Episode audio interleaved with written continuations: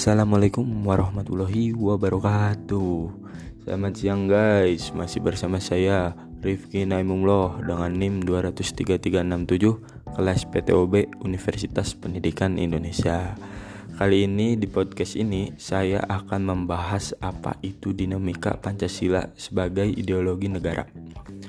Dinamika Pancasila sebagai ideologi negara dalam sejarah bangsa Indonesia memperlihatkan adanya pasang surut dalam pelaksanaan nilai-nilai Pancasila.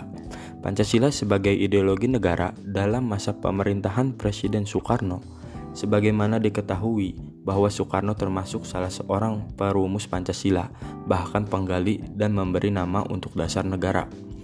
Dalam hal ini, Soekarno memahami kedudukan Pancasila sebagai ideologi negara. Namun, dalam perjalanan pemerintahannya, Ideologi Pancasila mengalami pasang surut karena dicampur dengan ideologi komunisme dalam konsep Nasako.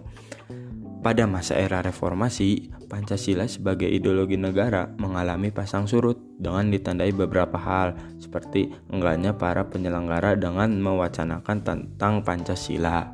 Hakikat Pancasila sebagai ideologi negara memiliki tiga dimensi, yaitu satu dimensi realitas, dua dimensi idealitas, tiga dimensi fleksibilitas.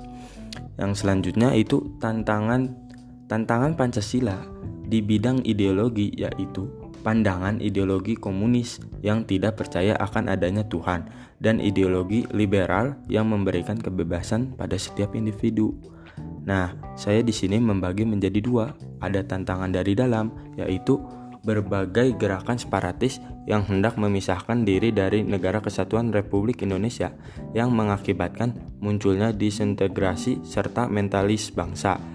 Penanganan yang tidak tepat dan tegas dalam menghadapi gerakan-gerakan tersebut akan menjadi ancaman serius bagi tetap eksisnya Pancasila di Indonesia.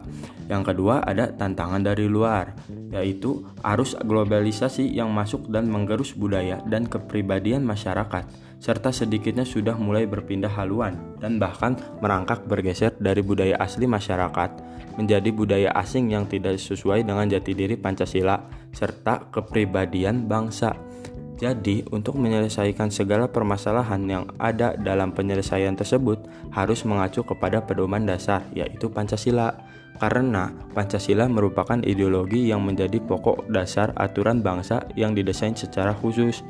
Nah, Sekian dari saya. Jika ada salah kata atau kekurangan, mohon dimaafkan.